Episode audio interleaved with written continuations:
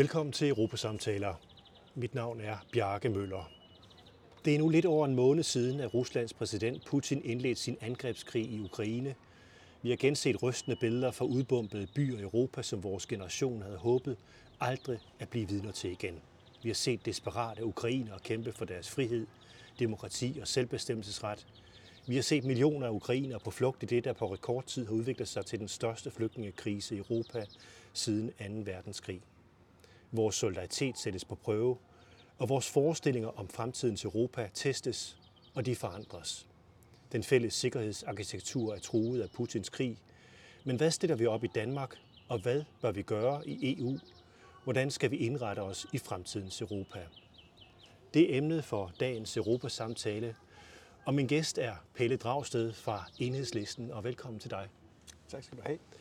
Vi sidder her i din have på Frederiksberg, og det er jo totalt fredsomligt her. Det er lækkert, der er solskin og så videre. Men hvad tænker du egentlig om krigen i Ukraine? Jeg tror, at jeg ligesom alle andre var altså både er sådan meget overrasket, næsten stadig ikke helt har forstået, at vi står i en, i en situation øh, med en, øh, en rigtig sådan varm krig øh, midt i Europa. En, en sådan ret sådan old school imperialistisk øh, forsøg på at ja, i virkeligheden øh, invadere og øh, indtage territorium. Og mm, hvis man lytter til, hvad Putin siger, formentlig øh, gør en ende på, på Ukraine som en, som en suveræn øh, stat. At vi står midt i en situation, hvor vi pludselig, selvom det måske ikke er det mest sandsynlige, men alligevel overhovedet snakker om frygten for en atomar øh, krig igen. Jeg er jo vokset op i 80'erne, hvor man jo som barn øh, tænkte over for eksempel, hvad, hvor kunne man rejse hen, hvis atombomberne ramte og den slags ting. Og den der slags øh, tanker er jo kommet tilbage igen, så det er jo sådan et, et, et lidt sørgeligt déjà vu på en eller anden måde. Øh, også sikkerhedspolitisk efter en årrække, hvor vi jo nok troede, at øh, ja, konflikter og måske også nogle, øh, nogle væbnede konflikter, men en decideret krig indledt af en, af en stormagt på europæisk grund, det, det, det havde jeg, må indrømme, faktisk ikke øh, set komme. At det er klart, der har været nogle fortilfælde, både med Titanien og med, med Georgien, øh, som måske burde have fået advarselslygterne til at øh, blinke tydeligere hos os alle sammen. Men, øh, men jeg havde ikke forudset det, og jeg blev overrasket. Øh, he, altså helt til det sidste troede jeg ikke på, at det ville ske. Så vi er jo vågnet op til, til en ny verden, til et nyt Europa, som sætter en masse vante forestillinger øh, på prøve, øh, og, og, og, og ligesom bringer os ud af den epoke, som vi i hvert fald har fortalt hinanden, at vi havde efter den kolde krigs afslutning. Ja, det er jo meget dramatisk, og altså, det sker også på et tidspunkt, hvor I enhedslisten jo diskuterer, hvordan I skal forandre jeres europapolitik, og det kommer vi til at tale mere om, for du er sammen med nogle folk, øh, ledende partifolk i enhedslisten, lagt op til en ny ting i EU-politikken. Men lad os lige blive ved det her med sikkerheden, og der er mange, der forsøger at, at skyde EU, enhedslisten noget i skoen i forhold til at være Putin-venlige og andre ting og sager, men I har faktisk støttet våbenhjælp i forhold til Ukraine, men, men har det ikke rystet jer og, i partiet, og også i forhold til den diskussion internt? Vi har set Christian Juhl og andre være ude med nogle udmeldinger for at forstå, hvad Putins motiv egentlig var, og, mm. og sagt, at, at Ukraine måske selv var lidt smule skyld i det. Ja, altså jeg har stadig til gode at møde et eneste øh, repræsentant eller andet fra enhedslisten, som har den mindste sympati for Putin. Altså, og, øh, og hvis man kigger på, øh, hvilke øh, fløje i Folketinget og hvilke partier, der har været mest aktive gennem historien i kritikken af det russiske regime, Putins regime, øh, så er det enhedslisten og SF. Øh, du kan bare gå tilbage og læse folketingsdebatter tilbage fra Tjetjenienkrigen, øh, tilbage fra angrebet på Georgien, de seneste år i forhold til den russiske, de russiske krigsforbrydelser i Syrien. Du, altså det, det var enhedslisten, der stod forrest i kritikken, dengang man begyndte at opbygge handelsrelationer. Vi stemte imod Nord Stream 1, vi, for, vi var imod Nord Stream 2. Så, så påstanden om, at, at vi ligesom skulle have et eller andet sympati for Putin, er fuldstændig langt ude. Bare for at starte der, mm. for, for at få lagt den fuldstændig ned. Der har været nogle, nogle udtalelser øh, fra folk i enhedslisten i de første, den første uge af krigshandlingerne, som, som jeg synes var ukloge, øh, som handlede om det her med, jamen øh, har NATO også et medansvar i det, at man øh, ligesom har optaget de her lande i øst. Øh, det har været et synspunkt. Et andet øh, har ukrainerne øh, selv været med til at køre den her konflikt op, for eksempel ved, ved forskellige former for diskrimination af det russisktalende mindretal i Ukraine. Og jeg synes egentlig, at de øh, snakke og, og analyser kan være relevante nok på et tidspunkt. Øh, det, der var uheldigt, var, at de kom samme dag, som at russiske bomber hamrede ned over øh, ukrainske byer, og på den måde kunne forstås, og også blev desværre forstået som en, et forsøg på at ligesom sige, der er andre end Putin, der har et ansvar øh, for den her krig. Øh, og det, det er der ikke. Altså, der er kun en, der har et ansvar for, for at russiske tanks og bombefly har krydset grænsen til Ukraine, og det er, det er Putin og hans, øh, hans regime. Men hvad er øhm. svaret på den krig? Altså, hvad, hvad skal vi gøre i Danmark, og hvad skal vi gøre i Europa? Man har jo vedtaget meget store historiske økonomiske sanktioner. Man mm. har forsøgt også at give våbenhjælp. Flere lande har givet det. EU også stillet op og givet våbenhjælp. Men han bomber jo stadigvæk. Vi ser jo ja. rystende billeder fra Mariupol og andre steder. Jeg synes, vi gør meget det rigtige, øh, og du har fuldstændig ret i, at enhedslisten har også bakket op om at sende danske våben, altså de her panserværnsraketter, til, det er jo, til den ukrainske modstandskamp. Det var ikke nogen nem beslutning for os, for vi er jo generelt et parti, der er ret kritisk over for militære midler og løsninger. Øh, ikke mindst med de erfaringer, vi har haft for det de sidste par årtier i Irak, Afghanistan og Libyen og andre steder. Men, men i det her tilfælde, der var det svært øh, ikke at, at, at, at gøre det, fordi det er så åbenlyst, at ukrainerne jo er blevet påtvunget en krig, som, som de ikke har, har bedt om. Øh, og de sådan set kæmper mod ryggen mod muren, og hvis de holder op med at kæmpe, jamen, så er der ikke noget Ukraine. Altså, og jeg tror, vi kan jo selv forestille os at stå i samme situation i Danmark. Så i den situation, der, der mener jeg, at, øh, at det er det rigtige, at vi øh, sender våben. For min skyld kan vi også godt sende flere andre former for hjælp og økonomisk støtte, humanitær våbenhjælp til den ukrainske regering. Det er, det er det ene, for at gøre dem i stand til at modstå det russiske angreb, og det har de jo også overraskende nok for mange af os, tror jeg, været i stand til.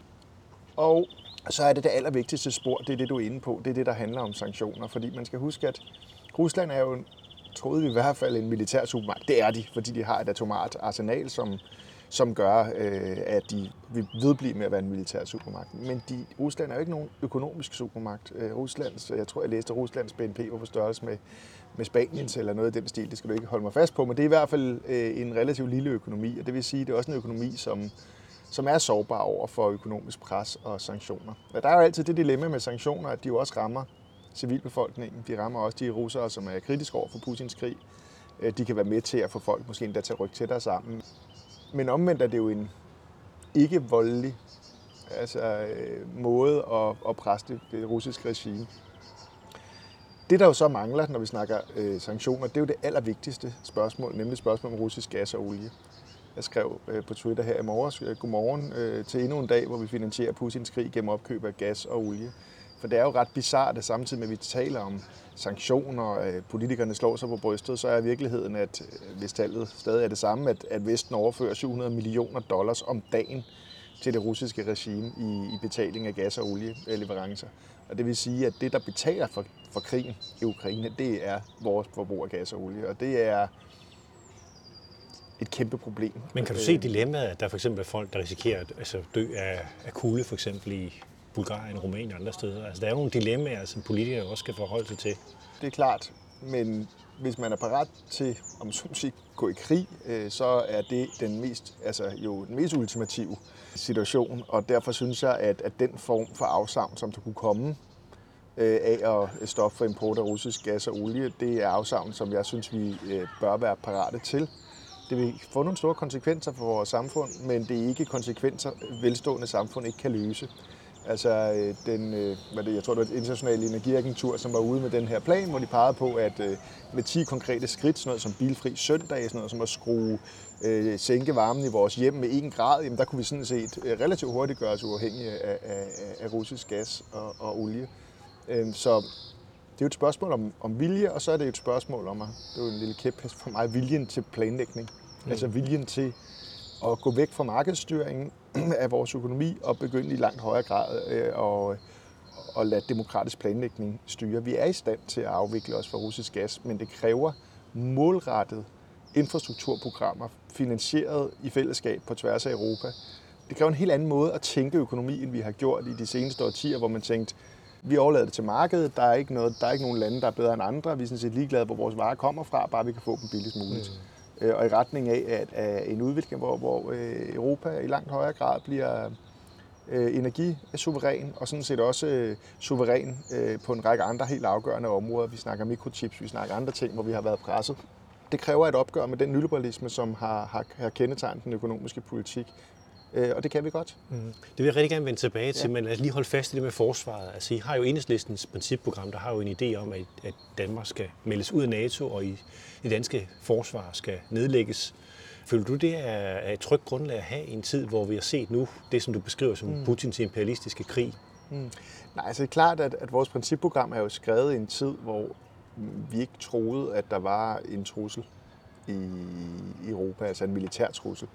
Øh, og vi ligesom var over, øh, over den tid med den form for, for krige på, på, på europæisk territorium. Øh, og derfor synes jeg helt afgjort, at vi har brug for, for nogle debatter, det kommer vi også til at tage. Vores principprogram er ret meget formuleret i sådan nogle lidt overordnede paroler, og det er jo det, der har, har svidet lidt bag i på os i de seneste uger, fordi det har jo betydet, at folk har haft mange forskellige tolkninger af, hvad der har ligget i de her ting. Hvor Folketingsgruppen i mange år i øvrigt har, har sagt, at ja, vi vil ud af NATO, men ikke bare. Det har altid været øh, et ønske om at se, kunne man for eksempel etablere et, øh, et nordisk forsvarssamarbejde, som om man så må sige, kunne, kunne give nogle af de samme fordele som NATO, men i, øh, omvendt gøre os mindre uafhængige af at være en del af den men nu ser I Sverige og Finland som neutrale lande jo ønsker en tætte relation også til NATO ja. og også med i EU's forsvarsarbejde. Ja. Altså de ønsker ja. jo at altså, gå Sverige har afvist øh, igen, at de vil indtræde i NATO. Ja. Finland ved vi stadigvæk De vil gerne have beskyttelse for NATO. Øh, Ja, det er klart, og, og, og det kan man jo også sagtens, selvom man træder ud af NATO, kan man jo godt læne sig. Det har Sverige jo sådan set altid gjort, Finland også i en vis grad.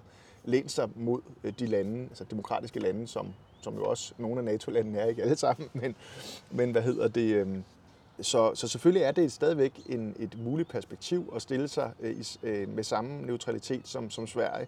Men der, hvor der nok er en udfordring i vores principprogram, efter min mening, øh, det er jo, at øh, det er svært at forestille sig, at man så samtidig kan, øh, hvad kan man sige, nedruste eller have et mindre forsvar. Det er jo sådan set det, der står, at vi skal have. Fordi øh, står man uden for NATO, så er man jo nødt til at have en, en, en, en større forsvarskapacitet selv. Så øh, Ja, for mig at se, så kommer alle de her diskussioner øh, op i luften og kommer til at blive diskuteret i, i, i, de, i, den, i de kommende måneder, de kommende år i, hos os i enhedslisten. Men, men vores grundlæggende analyse, nemlig den, at vi ikke ønsker en verden, hvor det er konkurrerende, rivaliserende stormagt, som man tror er vejen til en global sikkerhed, den kommer til at stå ved magt.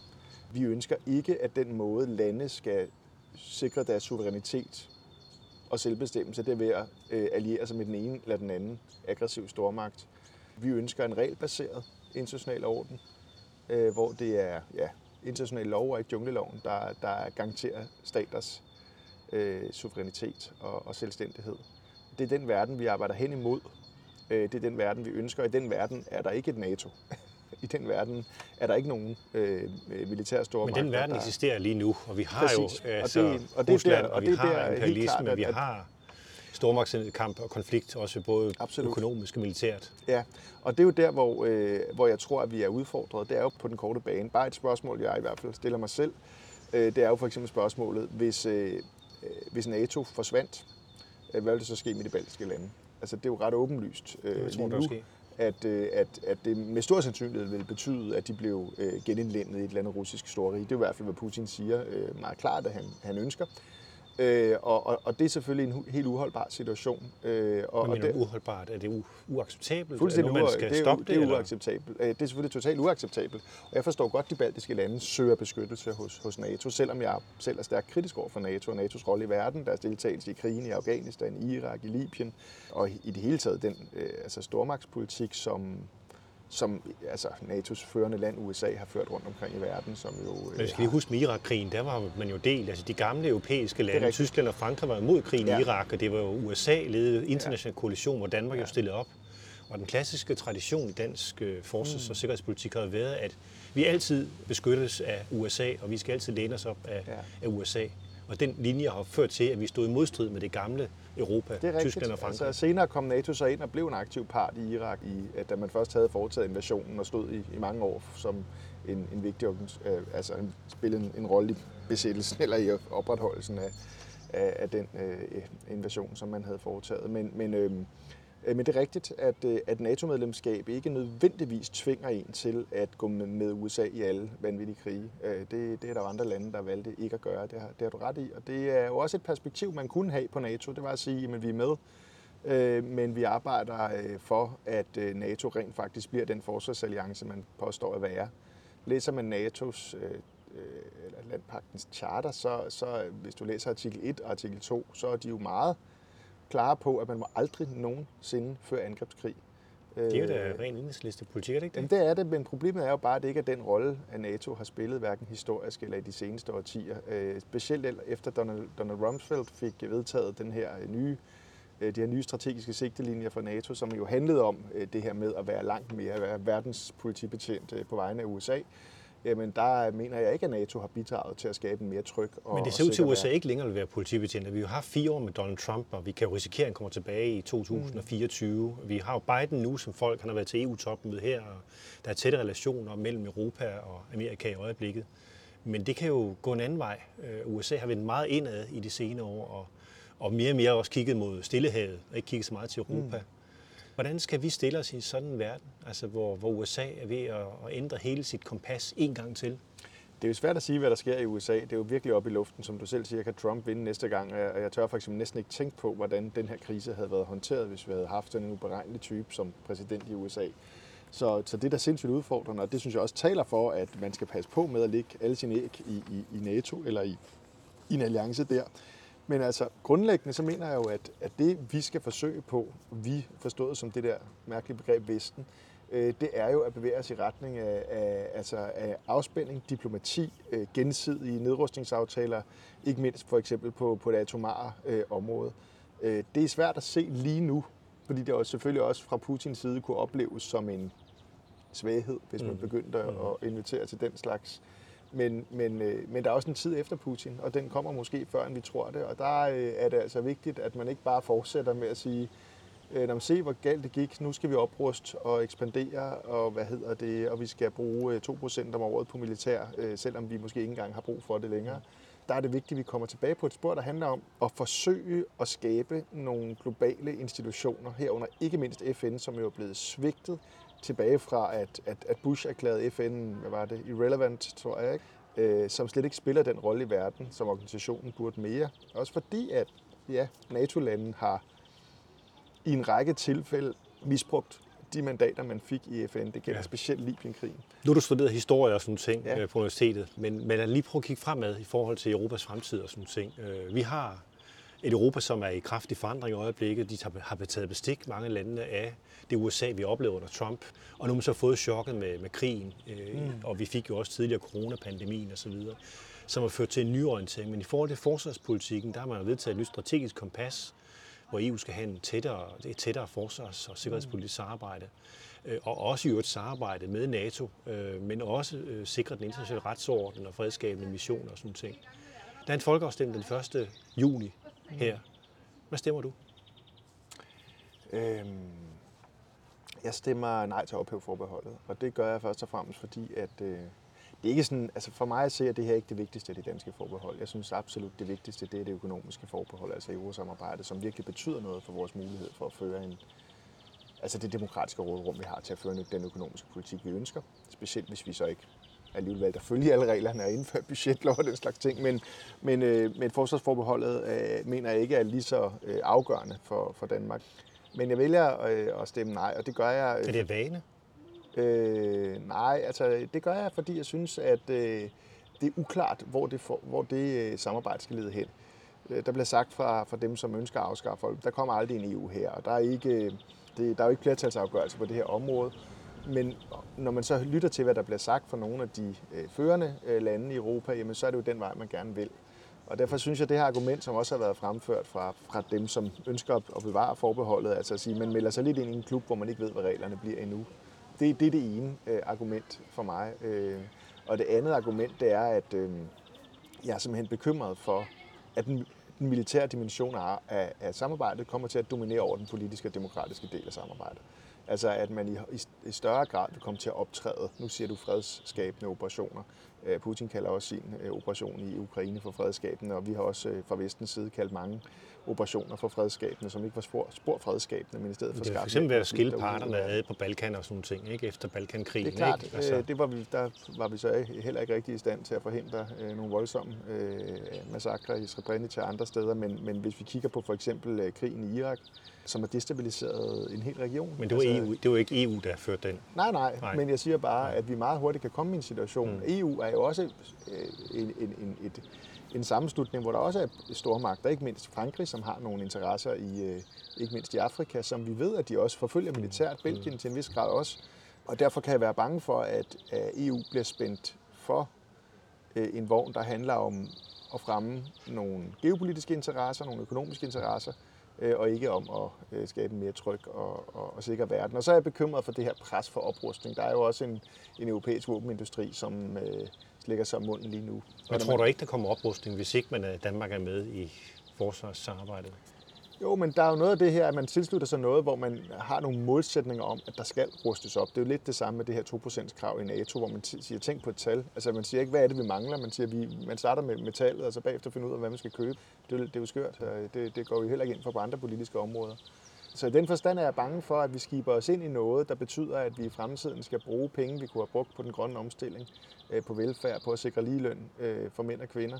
Stort set alle lande begynder i øjeblikket at melde ud på de der 2 procent. Ja. Det ser vi jo fra det, Det er Baltikum til Danmark til andre steder. Problematisk i en Og tid, det er jo sådan ikke noget, med, der påvirker decideret EU's beslutninger i forhold til det her. Altså, det er jo et område, der er mellemstatsligt, mm. hvor alle lande kan vælge at gå med i operationen. De kan også vælge at stå uden for dem. Ja, det er de det ikke betale til det jo. Men der er ingen tvivl om, at der i EU-samarbejdet altid er en drift mod, øh, mod mere, flere centrale beslutninger. Også fordi, hvis man skal være en effektiv spiller udenrigspolitisk, øh, så nytter det heller ikke noget, at tingene peger i alle retninger. Så du er enig i Morten Messerschmidt, der har sagt, at, at forsvarsforbeholdet er Danmarks garanti mod EU's fordækte intentioner?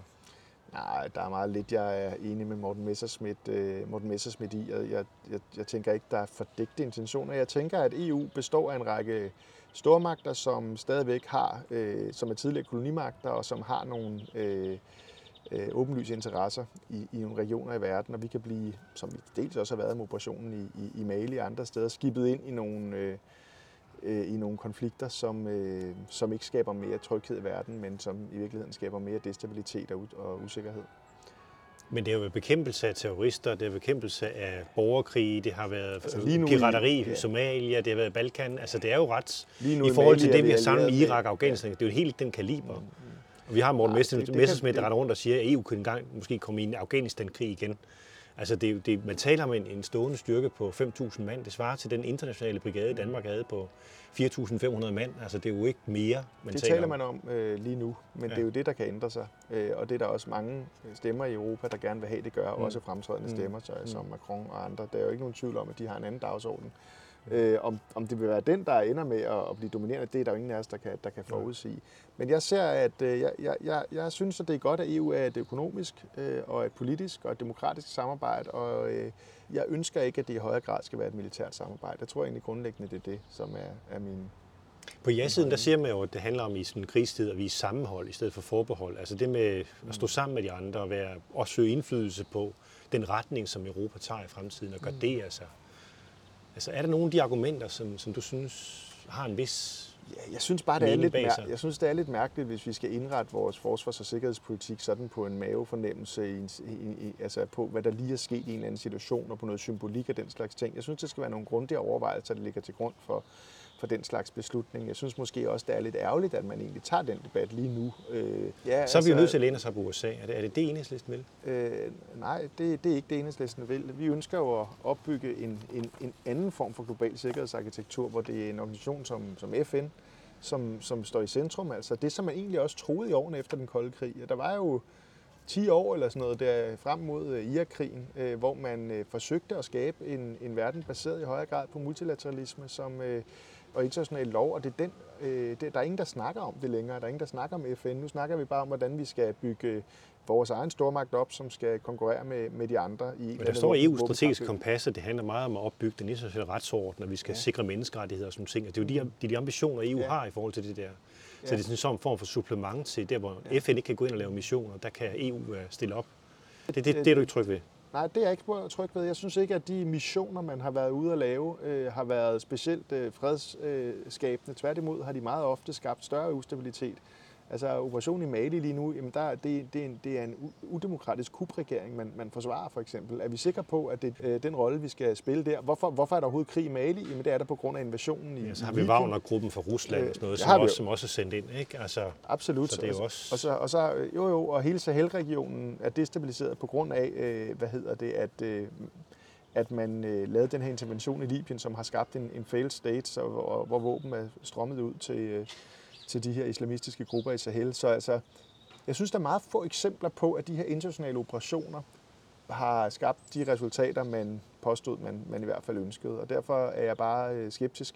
Men selvfølgelig er det øh, fint, at Europa gerne vil fremme menneskerettigheder og andet. Jeg vil gerne have en, en endnu mere værdiorienteret politik i EU, altså fordi samtidig med, at vi siger det der, jamen altså, så er vi jo stadigvæk allieret med øh, Saudi-Arabien, så er vi jo stadigvæk, hvad hedder det, accepterer Erdogans angreb på, på det kurdiske mindretal øh, og invasion i, i det nordlige Syrien. Altså det, øh, der er jo masser af steder, hvor vi, hvor vi desværre ikke kan se, at de der fine ord om menneskerettigheder og international orden, at de faktisk, øh, at man lever op til dem i virkeligheden.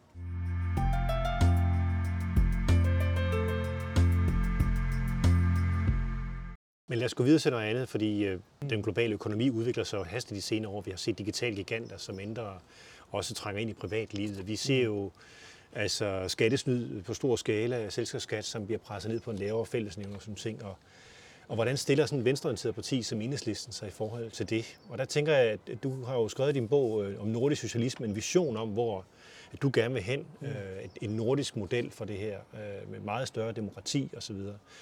Og der undrede mig, at jeg læste en bog, at, at man skulle meget langt hen i bogen, før man kommer mm. til noget, hvor du reflekterer over EU og hvilken ja. rolle EU kan spille i det her. Det er som, du hopper fra det nationale og det nordiske til det globale niveau mm. i din mm. bog. Og du skriver et sted, at, at, at hvilken tilknytning Danmark skal have til EU må derfor løbende vurderes ud fra, hvilken vej samarbejdet bevæger sig. Så har man jo ikke sagt for meget. Nej, altså det, min bog er jo en, den har jo et, sådan et nationalt udgangspunkt. Den, den handler om, og ligesom, hvordan vil man kunne ændre den Øh, Øh, den, øh, den danske økonomi øh, i en mere demokratisk retning. Og det er klart, at det er jo i høj grad en abstraktion. Det anerkender jeg også i bogen, fordi vi er så indlejret i, i, ja, i både regionale og globale handelsaftaler, at, at der er grænser for, hvad man egentlig kan i, i Danmark. Ikke desto mindre er det jo vores, hvad kan man sige, vores primære politiske arena. Altså det er jo her, mennesker engagerer sig, og, det, og det er også her, vi har opnået stort set alle de fremskridt, som, som almindelige mennesker har opnået gennem de sidste 100 år. Så, så bogen er bevidst diskuterer ikke hverken, hverken globale eller regionale øh, spørgsmål. Men det er jo klart, at, øh, at, at det er et, vigtigt spørgsmål, og, og, og det jeg skriver, som du citerer, det er jo et, et, hvad kan man sige, et pragmatisk tilgang til EU, som siger, jamen altså, i stedet for den der sådan principielle ja-nej, så have en holdning, der hedder, okay, hvis vi gerne vil øh, gennemføre socialistisk politik, socialistisk forandring, omfordeling, øh, øh, mindre markedsstyring af vores økonomi. Øh, hvordan kan vi så bedst gøre det på europæisk niveau og på dansk niveau? Altså, øh, kan vi bedst det øh, med fuld integration i EU, afskaffe EU-forbehold, eller kan vi det bedst øh, med den nuværende tilknytning til EU, eller kan vi det bedst, hvis vi trækker et skridt længere væk, måske fik nye forbehold, eller trådte ud i en, i en tilknytning, som den Norge har? Altså det, det synes jeg er for mig er praktiske og taktiske spørgsmål, og øh, som man løbende må vurdere, fordi EU jo hele tiden er i, er i udvikling. Så jeg har sådan en ja, lidt, kunne man sige, agnostisk forhold til, til EU, tror jeg. Og, og, det, og det handler selvfølgelig om, Bjarke, at EU er jo for venstrefløjen en lidt svær størrelse, fordi at det jo er nok den statsdannelse, hvis man kan kalde det det, som i sin grundlov, altså traktaterne, har indskrevet det mest åbenlyse, sådan liberalistisk borgerlige udgangspunkt for sin for, sin, for, det, for rammerne for den politik, man kan føre. Der er ikke noget land i verden, der i sin grundlov har den slags beskyttelse af, af kapitalens fri bevægelighed, øh, varerne, serviceydelser, arbejdskraftens øh, fri bevægelighed, som, som findes, øh, som har den form for... Og menneskerettigheder, det slags, som ikke står i den danske grundlov. Jamen, det er udmærket, men, ja. men det har jeg, og det har jeg intet imod. Det, det vi bare oplever er jo, at man har lavet et samarbejde, hvor institutionerne i meget høj grad er skabt, specielt fra det indre marked og frem, øh, hvad hedder det, i den nyliberalistiske epoke, og det har sat sit præg på EU's mm. institutioner og traktater. Og problemet med traktaterne er jo, at i modsætning til grundloven, som jo heller ikke er nem at ændre, så kræver traktatændringer jo enstemmighed øh, i EU. Øh, det kan godt være, at et lille land ikke vil kunne blokere det, hvis de store lande vil den vej, men, men det er ikke nemt. Og det betyder jo, at vi står i en situation, hvor at det er ret åbenlyst set med en socialists briller, fik man et flertal i Danmark for at bevæge sig i en retning med en mere demokratisk økonomi, Øh, så vil man ikke kunne gennemføre den politik, man er blevet valgt på inden for de nuværende forfatningsmæssige rammer i EU eller traktatmæssige rammer. Men du har lagt op til altså et indlæg blandt andet Pernille Skipper og Nikolaj Willumsen ja. i Solidaritet i januar, faktisk en måned før invasionen, der kom I med et indlæg om, hvor I mm. lagde op til en, en, en ændret kurs i EU-politikken, og I siger, at EU kan godt bruges som en politisk kampplads, selvom I ikke gør mm. nogen illusioner om, at I kan forandre traktaten osv. Mm. Ikke? Men I har en idé om, at I godt kan bruge EU til noget i forhold til jeres progressive kamp. Hvad er det, at, at der har fået dig til sammen med Pernille Skipper og Nikolaj Willumsen til at komme med det her indspil? Og hvad er du ser, der er vi nyt? Går egentlig, vi går egentlig lidt videre end det, du siger, for det er den position, du beskriver der, det er i virkeligheden den enhedslisten har i dag. Altså, vi, vi bruger jo EU til noget. Altså, vi er jo sindssygt aktive, både i EU-parlamentet, hvor øh, Nikolaj Willumsen jo spiller en, en meget, meget vigtig rolle i den i venstrefløjsgruppen i parlamentet, og øh, hvad hedder det, og har fået vigtige resultater, altså blandt andet den her indsats mod øh, asbest, øh, altså beskyttelse af arbejdstager i hele Europa, øh, det her lastbilsdirektiv og mange andre ting, som, som enhedslisten har spillet en vigtig rolle i. Og det samme i Europaudvalget i, i, øh, i Folketinget, hvor jeg tror, at de fleste vil være enige i, vi nok er et af de partier, der er mest engageret i de diskussioner, der er dernede, for, for at forsøge at få alt, hvad vi kan vride af gode ting ud af EU-samarbejdet. Så det er der sådan set ikke noget nyt i. Det, det, der har belastet os, synes jeg, det har været den her meget sådan, vi skal bare ud af EU. Ja, det står der i og, og, det kan ikke, og det kan ikke gå hurtigt nok. Øh, og så synes jeg, øh, en, en, også synes jeg i, i analysen vores nuværende principprogram, en alt for sort-hvid opfattelse af EU.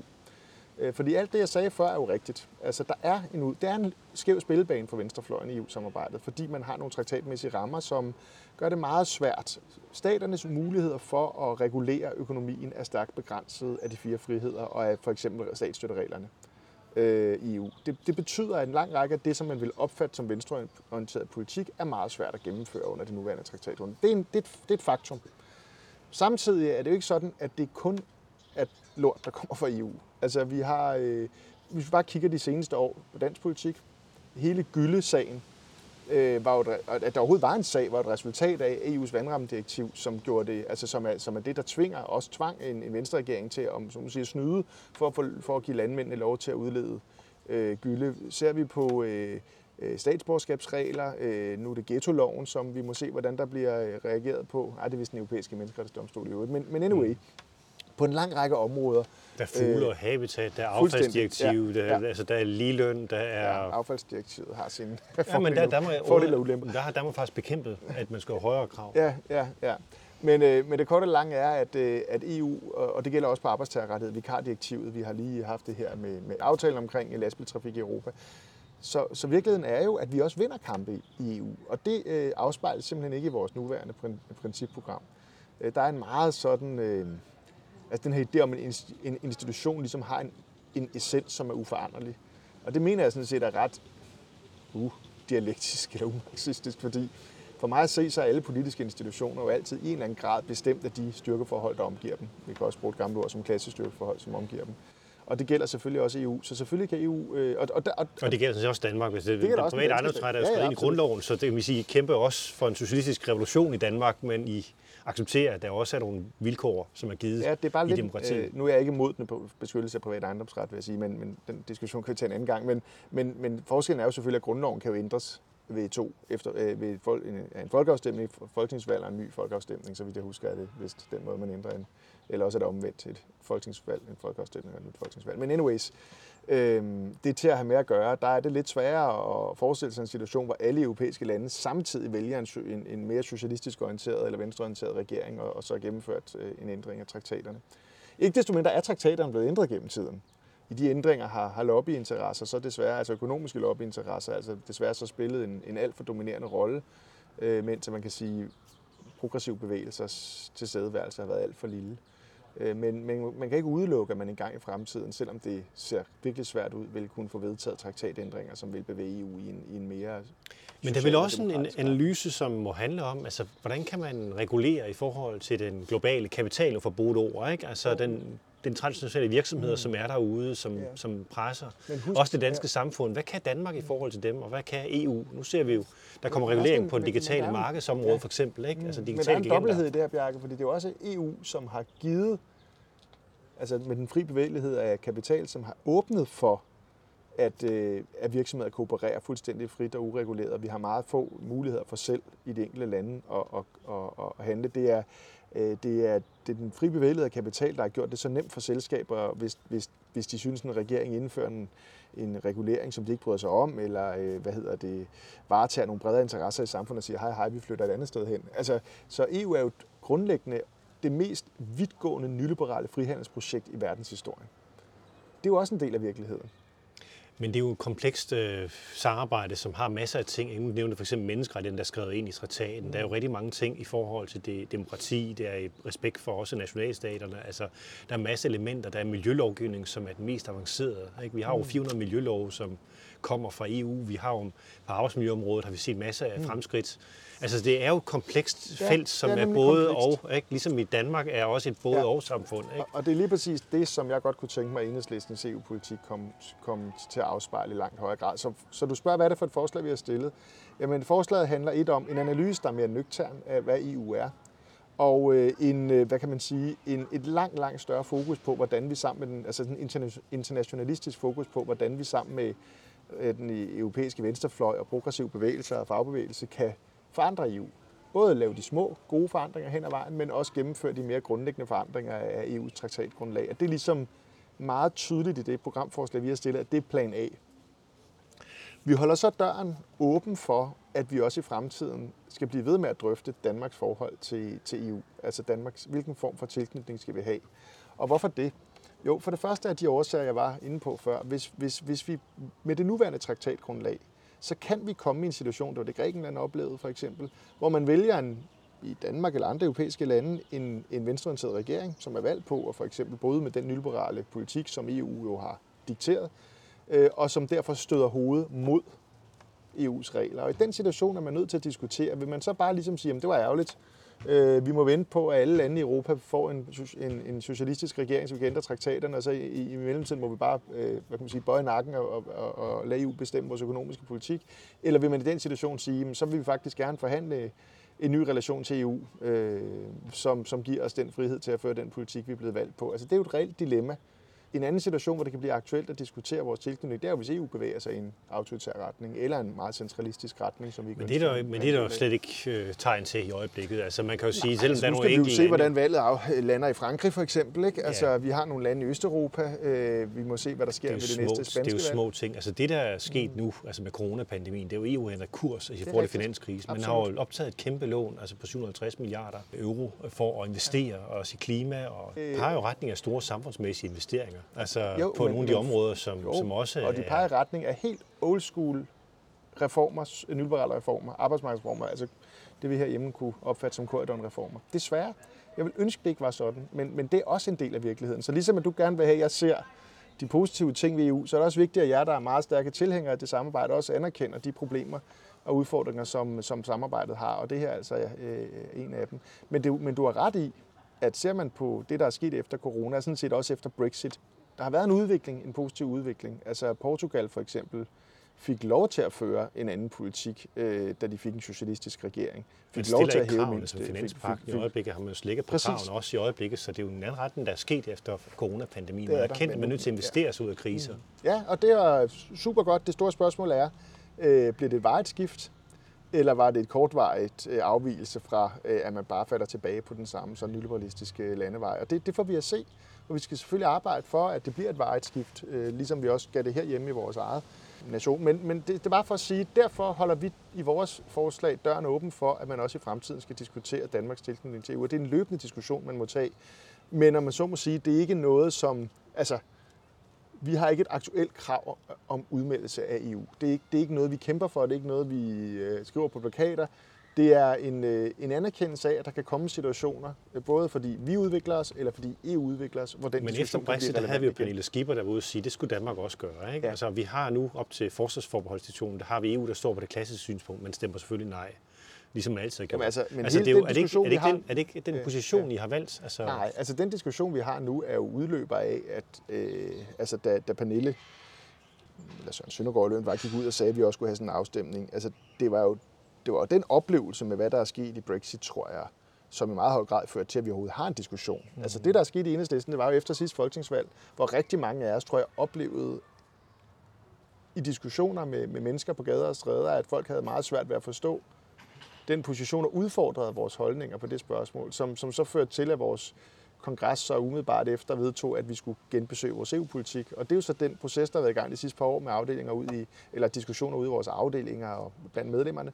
Og nu ligger der så de der fire programforslag, som faktisk, altså ligegyldigt hvad af dem, hvilket af dem, der vedtager, bliver vedtaget, faktisk flytter vores politik i, øh, en retning, hvor at udmeldelsesspørgsmålet kommer til at fylde meget mindre. Er det også fordi, I har fået en erfaring med, at Nikolaj Willumsen faktisk skal være med til at flytte nogle ting? Altså ved at, med i, ved at være med i Europaparlamentet øh, kan gøre en forskel. Margrethe Augen og SF har talt om, at Europaparlamentet er verdens mest progressive parlament. Ja, bortset fra, at de ikke selv må stille forslag og, og den slags ting. Men, men, øh, men det er en politik, de ønsker gennemført. Det var det, ja, der, er jo, der er jo et stort borgerligt flertal i Europaparlamentet, også for, for, for en række partier, som, som er stærkt problematisk. Men det er jo dem, der ønsker for eksempel løftekraven til øh, klima fra 55 procent op til 60 procent. Og altså, vi har godkendt men, en landbrugsaftale, som... Ja, men, men, men igen har de jo genpresset på for mange ja, områder. Jamen, altså, altså, i forhold til mange nationale parlamenter jeg, jeg, jeg, synes, det er sindssygt vigtigt, at Europaparlamentet øh, findes som en demokratisk institution i det EU, vi har. De spiller en ofte i hvert fald ikke altid, men en progressiv rolle i forhold til, i forhold til kommissionen og, og, og de enkelte stater. Øh, så det er godt, og jeg synes, at Nikolaj gør et, et godt stykke arbejde, og jeg, det, du har da sikkert ret i, at det, at man er en del øh, af en, øh, af en hvad kan man sige, tværeuropæisk venstrefløj, øh, også kan være med til at, til at få større fokus på de muligheder, der faktisk er for at, for at skabe nogle resultater sammen med, med, ja, med resten af den europæiske venstrefløj. Hvem skal I alliere jer med i forhold til sådan den, den progressive politik, I ønsker gennemført? Altså de partier der rundt omkring i Europa, der er mest øh, outspoken i forhold til at være modstander af EU, det er jo højre nationalistiske og mm. ekstremistiske partier. Altså, hvordan, ja. hvordan, hvor, hvordan finder I et alliancemønster? Jamen, altså... vi, altså, det er jo derfor, vi bevæger os væk fra spørgsmålet om bare at være modstander af EU. Altså det mener jeg sådan set, at vi har gjort gennem mange år. Nu får vi også øh, diskuteret det i forhold til vores principprogram på det her øh, møde, så, så at vi bevæger os i en retning af, der, der måske bedre vi kunne karakterisere som EU-kritik end som decideret EU-modstand. Men dem, vi er allieret sammen med, det er de store venstrefløjspartier i Europa, og de øh, deler vores kritik af EU. Altså de, og, den, og den er vokset. Altså det der federalistiske linje, som tidligere fandtes på den europæiske venstrefløj, er ikke særlig fremtrædende mere. Og det, den er, har været presset i defensiven siden øh, specielt finanskrisen, øh, hvor at hele det her, det hed Plan B-samarbejde, som er jo mellem øh, altså Podemos i Spanien, Venstreblokken i Portugal, øh, Linke øh, i Tyskland, øh, øh, og en række andre af de store partier, øh, har jo altså for eksempel blevet langt, langt mere kritisk over for eksempel euro-samarbejdet. Øh, og en, en del af dem ønsker decideret at, at, få, at, at træde ud, med mindre man kan få ændret EU-samarbejdet. Det er ja, også, også nogen ønsker en demokratisering af det jo. Helt sikkert, det vil jo være fantastisk. Jo.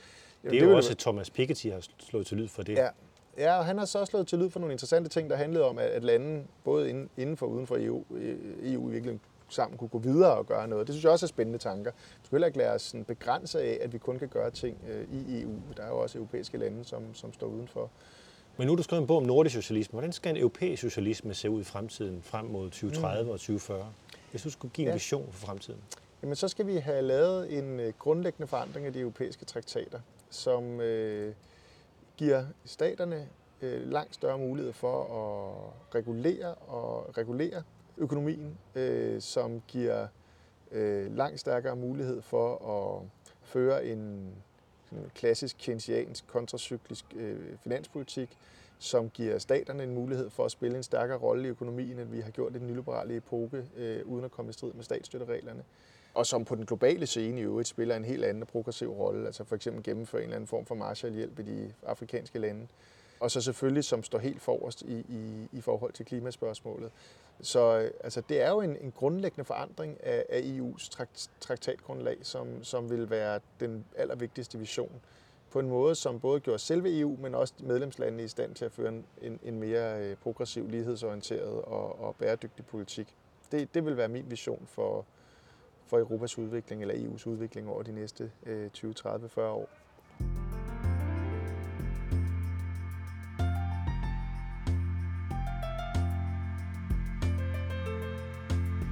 Her til sidst hørte du Pelle Dragsted, der er fra Enhedslisten og medlem af byrådet på Frederiksberg. Han er forfatter til bogen Nordisk Socialisme på vej mod en demokratisk økonomi. Mit navn er Bjarke Møller, jeg er vært for disse Europasamtaler. Jeg er journalist og forfatter, blandt andet til bogen Håbets Politik. Disse Europasamtaler om Europas fremtid er støttet af Europanævnet, og musikken, du hørte i denne udsendelse, er komponeret af Christian Møller Munar. På genhør næste lørdag.